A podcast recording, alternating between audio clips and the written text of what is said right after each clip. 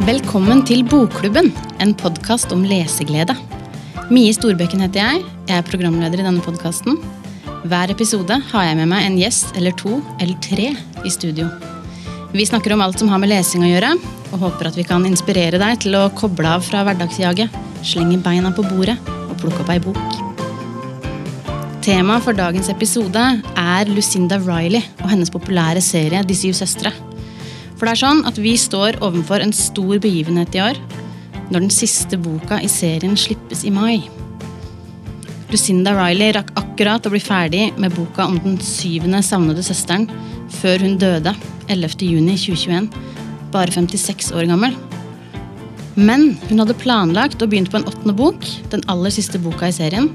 Boka med svaret på alle gåtene. En av dagens gjester kjente Lucinda personlig, så jeg er veldig spent på hva han har å fortelle. I dag har jeg med meg hele tre gjester i studio. Vi har eh, Booktalk-Johanne, som vi hilste på forrige episode.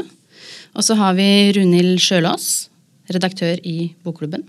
Og så har vi Knut Gørvel, salgs- og markedsdirektør i Cappelen Dam. Velkommen til dere. Takk. Takk. Takk. Eh, Du, Johanne, vi begynner med deg. Du var jo med i forrige episode og skravla med meg eh, om eh, TikTok og litt av hvert. Og da kom vi jo inn på denne her serien til Lucinda Riley, De syv søstre. Eh, som du jo er veldig glad i. Og du har jo fått lov til å lese dette hemmelige manuskriptet eh, for den åttende boka. Det kommer vi tilbake til litt senere. Men kan ikke du fortelle litt eh, Hva er det som gjør at du liker denne serien så godt? Mm, jo, jeg kan det. Ehm, jeg liker jo alt med bøkene, egentlig. Jeg liker veldig godt, For det første så liker jeg aller best at det er en serie. For da tar det lang tid å bli ferdig, og det liker jeg når det er bra bøker. Ja, eh, Men det er, jo en, det er jo et eventyr. ikke sant? Det er et helt eget univers som du kommer inn i. Du blir kjent med alle søstrene, eh, også kanskje den syvende til slutt. nesten til slutt. Eh, og så blir du veldig glad i karakterene, og så lærer du ekstremt mye om hver og en av de søstrene. Ja, fordi Vi må kanskje si litt grann om hva serien på en måte handler om. Ja, vi kan jo gjøre det. Uten å spoile. Uten å spoile. Avsløre. Avsløre og ødelegge opplevelsen. Ja. Var det det vi ble enige om at det var? Ja, det var sånn. Eh, De syv søstre handler jo om syv, egentlig seks, da, søstre som er adoptert. Som vokser opp i Sveits. Et ganske fresht eh, hus, kall det hva du vil. Eh, Og de er da adoptert av pappaen deres. Eh, Og det starter jo med at han dør. Det er jo ikke noe spoil. Nei, det er første som skjer. Det, det skjer veldig tidlig. Em, og så etterlater jo han hint til hver og en av disse søstrene, så de kan få lov til å finne tilbake til deres historie, hvor de egentlig kommer fra. Em, lære mer om deres opprinnelse. Da. Ja. Så er jo disse søstrene da adoptert fra veldig mange forskjellige land. Ja. Som Kenya, det er Norge, Brasil, Australia. Så vi reiser over hele verden, egentlig? Vi reiser over hele verden. Og så lærer man jo mye om eh, For det går jo mye tilbake i tid. Mm. Man, de nøster jo opp i historien sin. eh, Går mye tilbake i tid. Så man lærer jo mye om eh, egentlig historie også. Ting som har skjedd. Mm. Urbefolkning. eh, Historiske hendelser. Ja, og så er det jo litt spesielt, for det er jo kvinnelige hovedkarakterer mm. i alle bøkene. Mm. Det til, tiltrakk meg litt. Det har jeg ikke tenkt på, men det er det jo. Ja, Ja. ikke sant? Så sånn sterke kvinnelige figurer. Eh, hvordan oppdaga du egentlig serien? Du nevnte det kanskje kort Ja, jeg tror jeg nevnte eh, i forrige episode, men det, jeg tror det var sånn, en, det var sånne hyller hvor folk setter igjen bøker. Litt sånn lesekiosk? Ja, Sånn de gamle telefonkioskene? ja. Type. De liker jeg å raide, da. Jeg er veldig glad i liksom Jeg kaller det slåssromaner, men jeg syns det så litt sånn ut. Tenkte dette er koselig underholdning. Jeg tok den med meg, leste den. Innså vel da jeg var ferdig at dette er vel nummer tre eller noe i Ja. serien. Eh, men elsket den. Da fant jeg heldigvis Det var så hyggelig da å oppleve at det var en serie. Ja, ikke sant? Og du leste første boka uten å vite at det var Jeg skjønte ikke det. Jeg begynte rett på, jeg. Um, og så kunne jeg jo da kose meg med resten. For da hadde det vel kommet fire, tror jeg. Ja. Eh, Så da begynte jeg på eneren og toeren og fireren. Og siden har du fulgt med og på en måte kjøpt boka med en gang den har kommet? Jeg har vært sånn, først i køen når neste bok har kommet. Du har nesten sovet i sovepose foran bokhandelen før den åpner. Jeg liker ikke sovepose, okay. men uh, det var nesten. det. Det var nesten. Ja, Ja, jeg har vært veldig, veldig tidlig ute med å få tak i de nyeste. Og det har jo vært en veldig fin ting. Ulempen er at du må vente litt mellom hver gang. Nå, Ja. kan, nå slipper man jo det. Bortsett fra den siste. da. Så nå kan man jo lese alle med en gang. Eh, Men det er helt fantastiske bøker, og så blir man veldig glad i den, de søstrene. da. Man blir eh, godt kjent med dem. Mm. Ja. Eh, Knut, jeg har fått høre at det er du som på en måte er eh, Hva skal jeg si, du skapte denne suksessen i Norge. Kan ikke du fortelle litt om eh, hvordan det gikk til? Jo, eh, nå er jeg salgs- og markedsdirektør, så kan det hende jeg overdriver litt min betydning. Men eh, så det viktigste er jo Lucinda Riley, som er en gudbenådet forteller. Men ja, eh, det var noe av det første jeg gjorde da jeg kom til Cappelen Dam i 2011. Så skulle vi satse på å finne en forfatter som kunne ta over tronen fra San Martin. Ja. Og så, eller San Martin ettersom. Og så um, Da var det en ny redaktør eh, som foreslo Lucinda Riley, og så fikk jeg kjempetenning og dro til London på bokmessen der og møtte Lucinda Riley for første gang og spurte om ikke hun kunne komme til Norge i mai, og at vi skulle liksom prøve å skape en bestselger da. Og så, akkurat den våren, så drev eh, bokprogrammet til NRK med Sist Vik skulle da eh, hadde som tema for et av programmene er 'Hvordan skape en bestselger'. Og da så du Og da så jo jeg mitt snitt, holdt jeg på å si. Nei, men da tok de kontakt med oss for å høre liksom om vi hadde noe. Det hadde jeg jo da. Og så ble, ble NRK med meg i bilen ut for å hente Lucinda Riley på Gardermoen, da. Uh, og jeg er litt sjenert, og jeg er jo ikke så god i engelsk heller. Det er litt sånn som Jon Fosse, 'My Norwegian is bad, but my English is worse'. Men da sto jeg der litt sånn rødmende på Gardermoen med en orkidé, for den første boken het jo 'Orkideens hemmelighet'. Ja. Og siden så ble jo vi utrolig gode venner, og hun var jo på turné hvert år i Norge siden, helt til hun ble dødssyk. Eh, og hun var jo en uh, mester i å møte leserne og få dem engasjert, ikke bare i tekst, men også i møter. Og da ble det jo ekstra morsomt da mm, hun i 2014 så fortalte hun jo uh, også at hun skulle skrive en serie. Da hadde hun gitt ut fire frittstående romaner først, som man absolutt også burde lese. Fantastiske, litt sånn Danton Abbey-aktige bøker. Men så, eh, så sa hun jeg skal skrive en serie om syv adoptivsøstre. Og så sa vi er det så lurt å lage en serie? For vi var så utrolig fornøyd, fordi jeg hadde jo på Gardermoen sagt at hvis vi klarer å selge 20 000 bøker, så er det jo en fantastisk suksess. Og så solgte vi jo nesten 100 000 av liksom hver bok. Oi. Og nå har vi jo snart solgt to millioner bøker. Men i hvert fall så var vi litt skeptiske til den serien. Men da sa hun også veldig fort at ja, men du Knut, i andre bok, da skal søsteren komme fra Norge. Og da var vi jo litt solgt, da. Så, og det som du ikke sa i sted, var jo at det kule Det er fantastiske kvinneskikkelser, men det at hun bruker det kanskje mest ikoniske i de landene det er fra, det gjør de jo sånn helt fantastisk. I den første boken fra Rio så er det jo den eh, Kristusskikkelsen og skapelsen av den. I andre boken, 'Stormens søster', Ally, er jo da et, eh, Opphavet er et kjærestebarn til Edvard Grieg. Ja. Sånn at, eh, og det er i den engelske i Skyggesøsteren så er det engelske kongehuset og sånn. Sånn at det er utrolig spennende og dramatiske liksom, høydepunkter fra hvert land.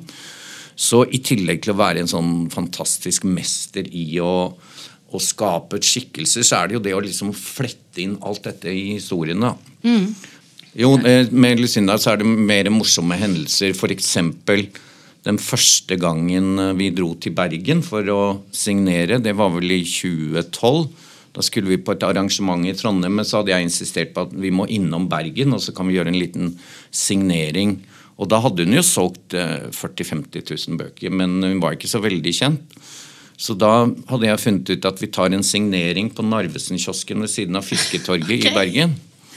Og det regna som vanlig, ikke sant, helt på skrått. Og vi satt der en halvtime, det kom ikke en eneste person. Og så eh, tok vi og pakket sammen, og da kom det en sånn 74 år gammel dame med sydvest og sånn, og skulle heldigvis Det var den eneste kunden på den kiosken, men hun skulle ha signert bok da. Og så var det jo da veldig gøy da vi kom tilbake. Med, vi kom jo tilbake hvert år med flere og flere mennesker, men da de lanserte 'Stormens søster', som altså er den norske boken, den andre boken, da var det i Grieghallen. Altså da fylte vi lobbyen med 500 mennesker og pianomusikk og hele hennes familie og sånn. Og det var liksom eh, et av høydepunktene for henne. Litt kontrast da, mellom Ja. de Narvesen-kioskene og Absolutt. Så hun, hun vokste, så det har jo vært et eventyr. Men eh, kan du fortelle litt sånn Du kjente jo Lucinda Riley personlig. Altså, Hvordan var hun som person? Hun var jo først og fremst en veldig god løgner, da. Eh, Som de er ofte eh, forfattere. Sånn at du fikk, fant aldri helt ut hvor gammel hun var, f.eks. For, eksempel, for det varierte fra gang til gang. Men hun var intenst eh, opptatt av mennesker, og en veldig sånn god venn å snakke med. Og, og hun fikk veldig mye kontakt med alle mulige hun møtte av lesere og alt sånt. Litt sånn karismatisk, eller? Ja, ja, ja. Veldig. Og hun hadde jo både vært eh, altså Hun begynte jo som ballettdanser, vært skuespiller. Litt sånn drama-queen også. sånn at eh, da jeg reiste på turné med henne hver vinter, så hadde jeg ofte med hun bokklubbsjefen Pippa Len. Og hun fikk lov til å bære børsten til eh, Lucinda. Så altså, hun var litt dronning også, men samtidig som hun var helt nedpå og elsket å spise og drikke og ha det gøy, liksom. Ja. Og så hadde hun jo seks barn, eller inkludert to stebarn. Så altså en stor familiebedrift som hun har eh, styrt i mange år. Og da er det jo liksom utrolig rørende at det nå er sønnen, Harry, eldstesønnen, som har eh, sluttført dette. da. Ja. Og der må jeg si at um, jeg Vi har jo gitt ut barnebøker av Lucinda og Harry uh, på Cappelen Dam. Og jeg uh, følte da den gang at Harry kanskje ikke akkurat var en stor forfatter. Uh, så jeg var veldig skeptisk. Og, og Lucinda snakket alltid pent om at Harry var så talentfull, mens jeg var veldig skeptisk. Så da jeg fikk manus før Frankfurt-messen nå i høst, og da skulle alle vi forleggerne se om vi rakk å lese det før vi møtte Harry og, og mannen Steven da i Frankfurt. Og da var jeg den første som hadde lest. Og så sa jeg til han da, og det står det i etterordet også, at eh, jeg sa at jeg hadde aldri trodd at du kunne klare dette, men du har faktisk fullført sånn at man tror det er Lucinda Riley som har skrevet. Så det er eh, utrolig gøy, og som du snakket om, alt blir jo avslørt. Og det går opp, men det er ikke sånn oppsamlingsheat. Det er bare sånn nydelig at det liksom Å ja, det var den, ja. Og når vi kommer til Norge igjen, Ally er jo med, ikke sant. Har kommet til Bergen og Hurtigruta. Altså, det er ja, praktfullt. Men hvor mye av eh, Altså, hvor mye hadde hun skrevet av det, på en måte? Kan du si noe om det? Altså Ja. av den siste boka? Ja. eh, Hun hadde skrevet eh, ca. 150 sider eller noe sånt, og så hadde hun fordi det jo har flere ganger vært filmprosjekter, og nå sist var det Hollywood som gjerne ville lage en serie av det, så hadde hun skrevet liksom uh, ut alt eh, liksom hva som skulle skje, bortsett fra slutten på farens historie. Ja. Så da jeg hadde en middag med, med Harry i Frankfurt, så var han jo kjempelykkelig over at jeg syntes det var så bra. Men så spurte han litt sånn spent ja, hva syns du om de siste 100 sidene om faren der? Fordi det har liksom jeg skrevet, først og fremst. Og så sa jeg 'It's a disaster'. Og så gikk det tre sekunder, og han så litt sånn dratt ut. Men så måtte jeg innrømme at det, nei, det var kjempebra, så da gråt vi litt sammen. Men eh, nei, det fineste, og det har sikkert du inntrykk av òg, er at, at det er, når du leser det, så er det umulig å finne ut hva som hun har skrevet eller han har skrevet. Følte du det sånn nå? Absolutt. Jeg, jeg tenkte mye på det. Eller jeg, jeg tenkte at jeg skulle prøve å avsløre. Men det var helt umulig. Det var veldig lusindisk. Lusindisk. Ja. Så alt vil bli avslørt, men ikke akkurat det. Men eh, handlingene blir avslørt. ja. Eh, Lucinda Riley har jo hatt, eh, eh, vært hovedbok hos oss i Bokklubben flere ganger. Runhild, eh, du er redaktør hos oss. Kan ikke du fortelle litt eh, Hva er det som gjør at eh, medlemmene våre liker Lucinda Riley så godt? Nei, min jobb er jo å lese masse bøker for å finne ut hva vi skal presentere for medlemmene. Og jeg har fulgt forfattere som Kate Morton, Catherine Webb og Victoria Hislop i mange år. Som jeg liker, og som mange av bokklubbmedlemmene også liker å lese. Men det var du da, Knut, som eh, fikk meg til å lese Riley. For jeg var ikke like tidlig ute som deg med å skjønne at dette var noe. Det var litt sånn, I mengden av alle underholdningsbøker så var jeg litt Ja. sånn Ja. Men jeg ble jo minnet på det stadig vekk av Knut, at dette var noe jeg burde følge meg på. Og så plukka jeg opp samme bok som deg, Johanne. som den første. Og jeg, for meg var det det med antikvariatet i London som tenkte ah, dette er deilig. Dykke inn i en historie om et gammelt antikvariat og slektsforskning, uh, som det jo er for hver enkelt av søstrene som skal finne ut uh, sitt uh, biologiske opphav. Så da ble jeg revet med, jeg òg. Og jeg syns det var kjempeartig at Beatrix Potter dukker opp, og Vita Sackwill West og andre litteraturkjendiser liksom, som du har hørt om. Og... Altså Temaet for den boka er litt sånn, det er litt sånn bok Greit, jeg følte at den var er, litt bookers, da. Ja, Veldig. De som liker lesing, liksom. Mm. Ja, så en ordentlig bokelskerbok. Og det er i London, og det er eh, Lake District, og det er mye sånn. Og så møter vi jo oldefaren til kong Harald, altså kong Edvard 7. Ja. Og får være med litt inn i kulissene der han eh, ferdes. Det er veldig gøy. og så skjønte jeg fort at jeg trenger ikke å lese disse bøkene i rekkefølge. Så, så, det syns jeg var en eh, kjempepluss. Det er jo eh, faktisk en kunst å skrive en bokserie mm. med på en måte frittstående bøker, men som henger sammen, og samtidig klarer å hekte på leseren underveis uten å, at jeg blir skuffa eller irritert da, over at jeg, å, jeg, måtte lese første bok for å skjønne det. Men det trenger man ikke her. da. Nei. Her kommer du ja, med uansett hvor du er i serien. Det syns jeg er helt eh, Det er bare så godt gjort. men hun er jo kjempegod. Og det viser seg at det syns jo bokklubbmedlemmene også, så vi har jo hatt mange av bøkene hennes som mm. hovedbok. Eh, for kikka faktisk gjennom før jeg kom hit. Eh, jeg tror det er den, de bøkene vi har aller flest sånn leseranmeldelser på. Ja. I, på bokklubb-websiden vår. Mm. Veldig begeistret. Fordi hun, hun kan jo dette med å fortelle en historie som du bare glemmer alt rundt deg.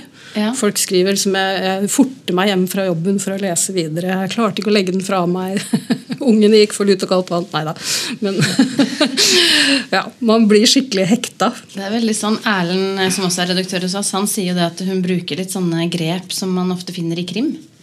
Ikke ja. sant? Med å liksom fenge og holde leseren Absolutt. gjennom hele historien. Og klarer jo også å få deg hekta på den hovedhistorien. Den med det mystiske med faren, da, den mm. adoptivfaren. Og, og, hvorfor i all verden han har valgt uh, sju-seks unger fra alle verdenshjørner mm. og lage en søskenflokk av. Og det lurer man jo på hele veien, og det får vi jo endelig svar på nå. Så det er veldig gøy. Mm. Kan jeg si noe der, um, Runhild? Fordi det fine som vi egentlig ikke har sagt nå, men det er jo alltid to tidsplan i, i hennes bøker. Minst. Eventuelt tre. Mm. Og det er liksom at du følger disse sterke søstrene som kommer fra altså, helt forskjellige steder i verden. Og så går du tilbake til forformor eller et eller annet sånt, som også er spennende kvinneskjebner i en helt annen tid.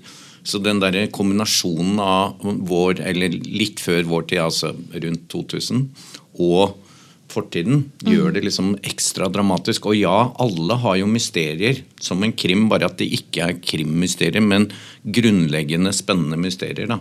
Mm. Så hun var selvsagt eh, litt sånn uovertruffen mester i å skape denne type underholdningsromaner. Mm. Jeg syns hun får til alt, liksom. Altså Hun klarer å skape kjempefine karakterer. Hun gjør jo kjempegod research, noe ja, jeg liker veldig godt. Det må ha vært en stor jobb, det. Og liksom, ja, all den kunnskapen hun måtte ha for å i hele tatt klare å skrive det historiske. Da. Ja, nei, Det har hun sagt i et intervju også, at hun var veldig redd for å bli tatt i feil. For da skuffer du leseren. Ja. Det kjenner jeg jo meg selv igjen på. at Hvis jeg tror jeg har funnet en eller annen artig historisk detalj, googler, og så er det feil, da blir det sånn What? Ja. Og det var da hun var på turné etter den første boken, som altså foregår i Brasil. Så var hun jo her og lanserte den, og da skulle hun jo skrive den norske. Ja. Uh, og da var vi jo f.eks. i Bergen, og så sa hun det til, uh, på Litteraturhuset, hvor det var et stort arrangement, at ja, nå skal jeg jo skrive om Grieg og sånn, men har dere historie, så må dere gjerne ta kontakt med meg. Og dermed så, Den kvelden røyk jo, fordi de, hver som skulle ha signert bok, skulle jo gjerne være med i boka, så alle hadde historier. Og så eh, hadde vi f.eks. middag med Kjetil Bjørnstad, som jo var eh, Grieg-ekspert. Har skrevet bøker om han. Og da med en gang er det typisk sånn Lucinda tenker hva er dramatikken der? Hun hadde sikkert tenkt ut på forhånd, men var ikke Nina Grieg utro? Jo, det lurte Kjetil på da. Ja, men jeg tror også Edvard var det. Og så, Sånn at hun spant rundt, og så bodde hun da tre uker i Ibsen-suiten her på Grand hotell i Oslo. Ja.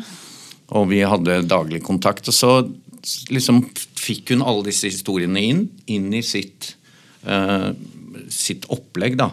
Og sånn har hun jo gjort hver gang hun har skrevet. Dratt til sant, om det er Australia eller Rio eller hvor det nå er.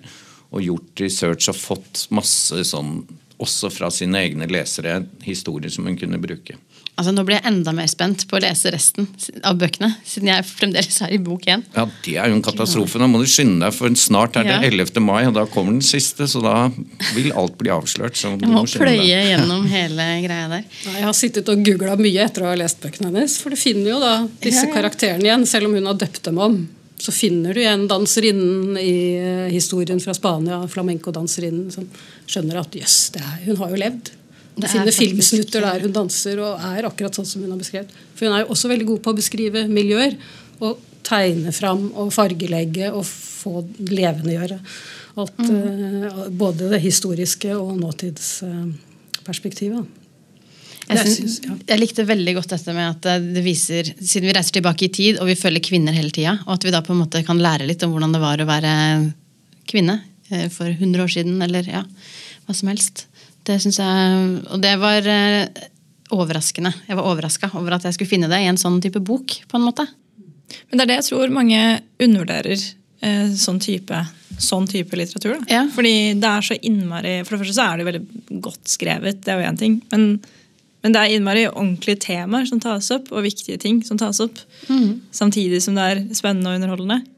Men ja. det ene slår liksom ikke ut det andre. Og det mm, litt tilbake til det vi snakket om som var litt sånn elitistisk og sånn. At eh, ja.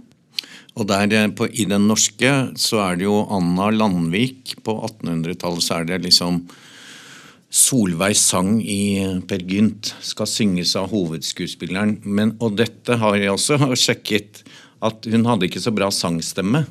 Så dermed, i boken og i virkeligheten, så står det en annen figur, nemlig da vår eh, forkvinne, bak og synger nydelig Solveigs sang.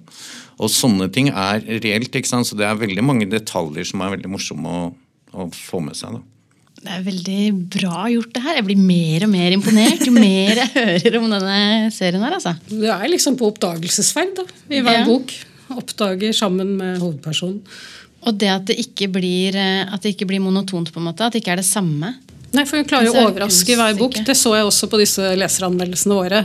At veldig mange nevner. Altså de, selv om du på en måte tenker at hun følger en formel da, med at hver søster skal få, få disse eh, ledetrådene til å, å finne sin egen historie, så, så blir det en stor overraskelse i hver bok. For hun klarer å variere det så mye. Og har jo alle disse verdensdelene og alle stedene og, og bakgrunnshistoriene som hun, eh, hun eh, fyller på med.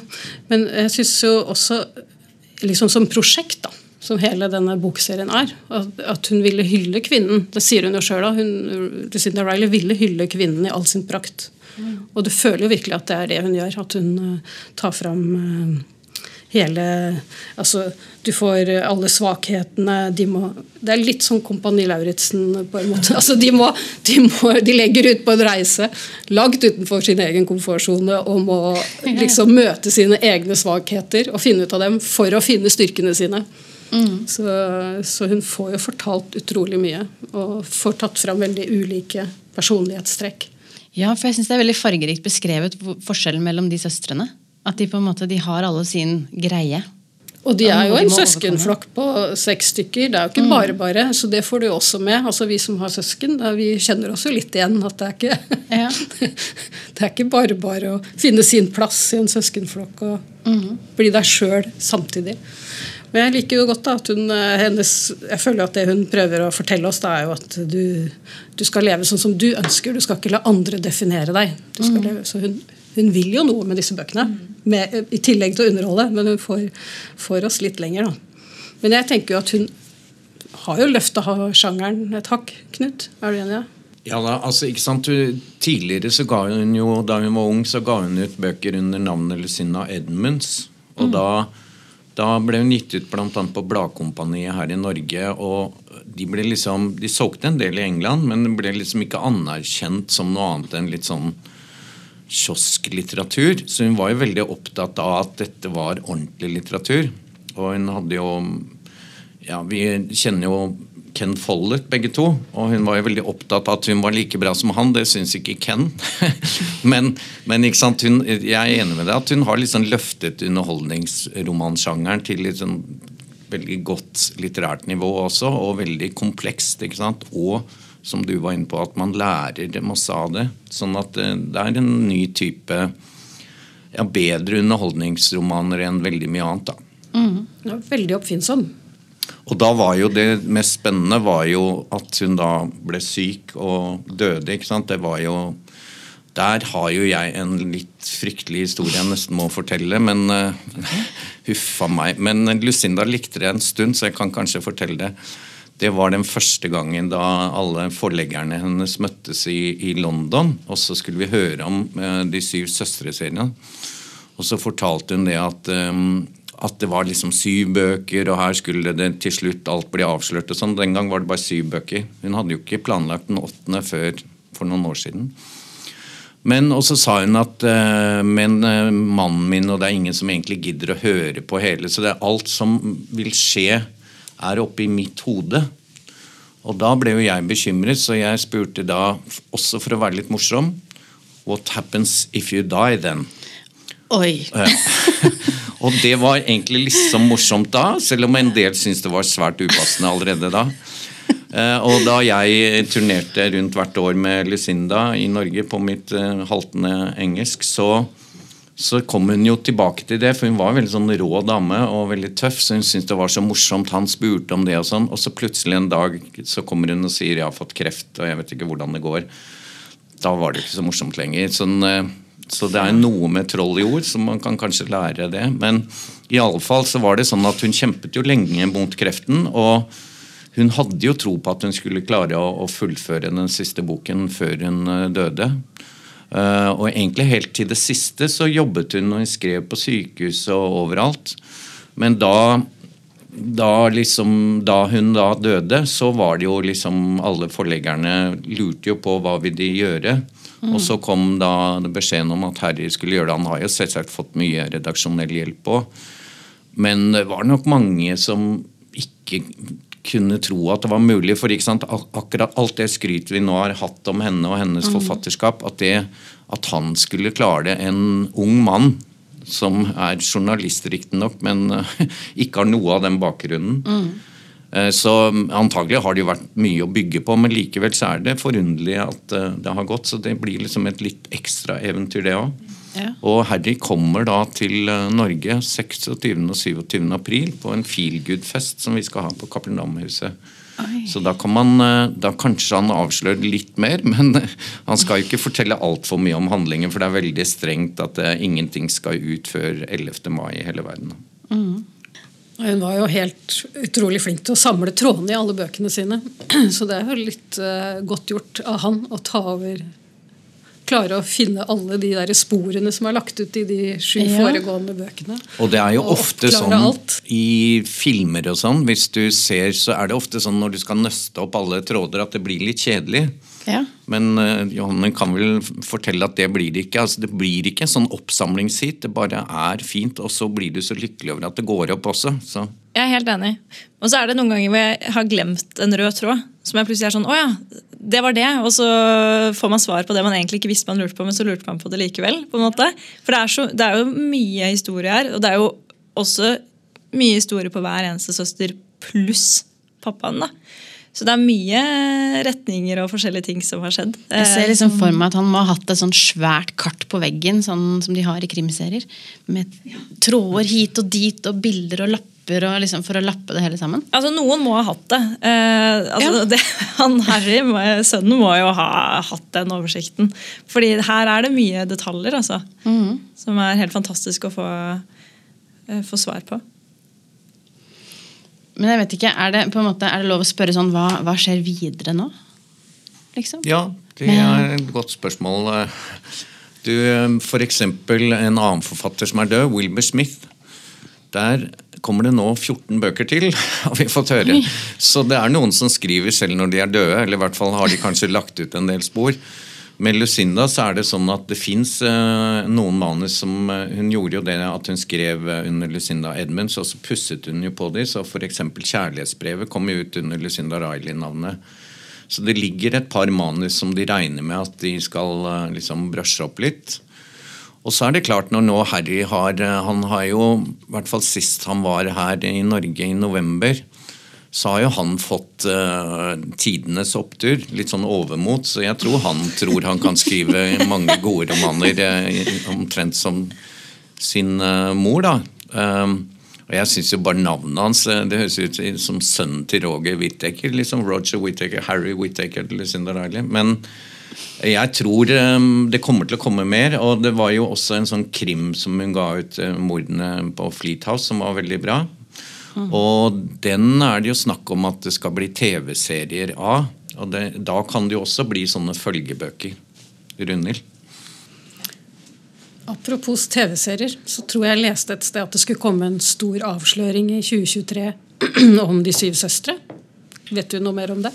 Ja da, men det er litt sånn eh, som salgs- og markedsfolk er. De kommer alltid med at det skal skje så veldig stort. Men ja, det er, eh, det er planer om eh, en stor serie.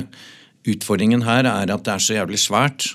Ikke sant? Så for Én bok kunne jo vært én sesong, i hvert fall. Og så men fordi de jo alle bøkene begynner med at faren dør, så du må egentlig lage alt dette parallelt. Ja. Og det er utrolig krevende. Men de er jo ekstremt godt egnet til å bli filmatisert. Både de enkeltstående bøkene og ikke minst denne serien. Så de, de, har masse interessenter og tror nesten hver gang at nå kommer den store nyheten. Men den har ikke kommet ennå. Vi får vente og se.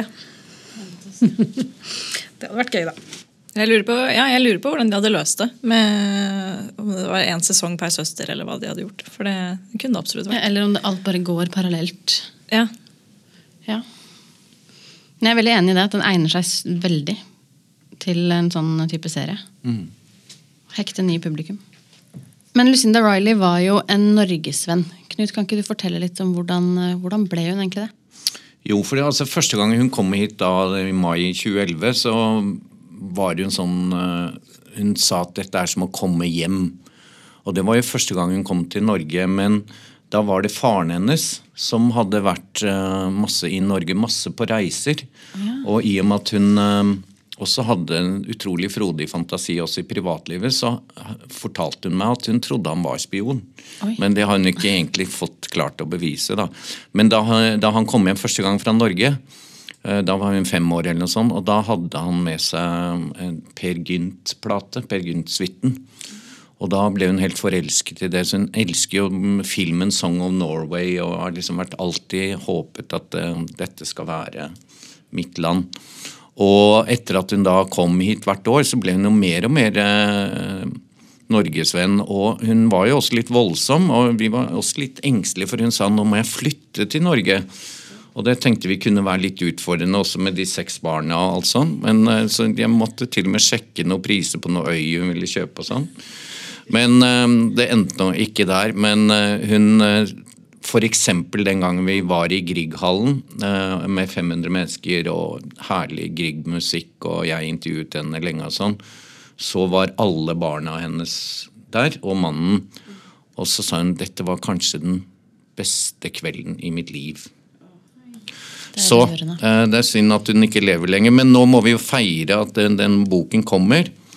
Atlas, historien om Pa så Johanne, det er egentlig forbudt å avsløre noe som helst før eh, 11. mai, men er det noe du kunne liksom teaset at litt med, som, som du har, er begeistret for i den siste boken? Eh, det er altfor mye å ta, men, eh, men det som eh, overrasket meg, kanskje noe av ja, Kanskje overrasket meg mest, det er at han skurken, Kreg, Krig Ja, jeg vet ikke helt hvordan det uttales, men noe sånt, ja. I hodet mitt så er det Kreg, men jeg vet ikke om det Han eh, Essu han, eh, Det viser seg at eh, hans historie den går way back. Eh, Han eh, har nok vært involvert eh, og kommet inn i bildet litt, før, eh, litt tidligere enn det vi har trodd. da. Så det kan jeg si. Det er lov. Ja, men ikke så mye mer, da. Nei, stopp, stopp, stopp. Jeg stopper. Ja, men det er, det er superspennende. Jeg er veldig spent på den siste. Jeg ligger langt bak, men det blir spennende. Men jeg må jo si at alle som har lest eh, Om de ikke har lest alle bøkene i De syv søstre-serien, så må de jo lese de først. Men alle må jo lese den siste boka som kommer nå. For den, den, du- ja, den runder jo av. Det, som salgs- og markedsdirektør i Cappelen Dam kan jeg være helt enig i det. Alle må lese denne boken. Og bokklubbmedlemmene får den jo som hovedbok. Ja, Og så bare si det at hun er jo eh, Jeg så irritert meg her forleden eh, i VG. Camilla Nordli skrev at Giorgio Moyes var den som hadde solgt mest bøker det siste tiåret. Det er jo sludder. Hun har solgt Én bok har solgt eh, best, men eh, den som har solgt flest bøker det siste tiåret av oversatte forfattere, er jo Lucinda Riley. Og vi tror jo at denne siste vil jo liksom Nå må jo alle få med seg. Og hvis du ikke har lest serien før, så er det den berusende lykkeopplevelsen Så nå får du alt. på en dag, Bare ta med seg, Da har du hele sommerferien reddet. Det er åtte uker, så kan det ta én i uka. Ja, Det er faktisk over 5000 sider jeg la sammen, men det merker du jo ikke. Det er det som er så fascinerende. Det er som Harry Potter. Du bare leser. Ja. Og det er, du er Tenker glad for at det er tykke bøker. Ja. Ja, og at det er mange. Ja. det er mange. Du ja. vil jo liksom vite hvordan det går, men du vil ikke at det skal ta slutt. Nei, jeg er helt enig. Jeg tenker Det er et perfekt sted for oss å runde av denne episoden. Tusen takk for at dere kom hit i dag, alle sammen. Takk for at vi Takk fikk for at vi fikk komme. Hvis du fikk lyst til å lese serien nå, så ligger det et tilbud klart til deg på bokklubben.no. Og hvis du som oss liker å dele leseopplevelser og boktips, så kan du bli med i Facebook-gruppa vår. Den heter Mer leseglede med Bokklubben. Søk den opp. Og til neste gang, god lesing!